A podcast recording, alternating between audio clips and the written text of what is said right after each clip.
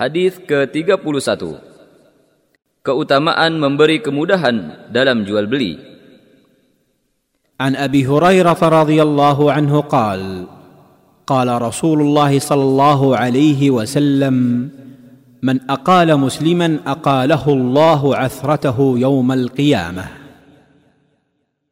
Dari Abu Hurairah radhiyallahu anhu ia berkata, Rasulullah shallallahu alaihi wasallam bersabda, Barang siapa menerima iqalah dari seorang muslim, maka Allah akan menghapuskan kesalahannya pada hari kiamat. Hadis riwayat Ibnu Majah dan Abu Dawud.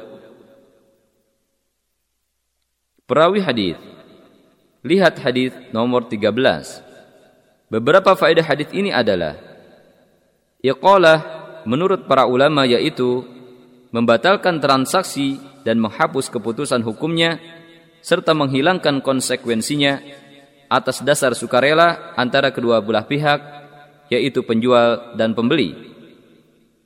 Ikolah termasuk perbuatan yang baik, kasih sayang, serta sikap mempermudah sesama manusia.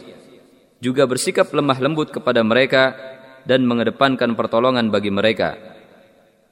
Menghapus kesalahan manusia termasuk perkara yang dianjurkan syariat terhadap seorang muslim. Gambaran iqalah yaitu jika ada seseorang membeli sesuatu barang dari orang lain, kemudian ia menyesal atas transaksi tersebut, baik karena barang tersebut cacat atau karena ia tidak membutuhkannya ataupun karena tidak berharga lagi. Kemudian ia mengembalikan barang tersebut kepada penjual dan penjual pun menerima kembali barang tersebut.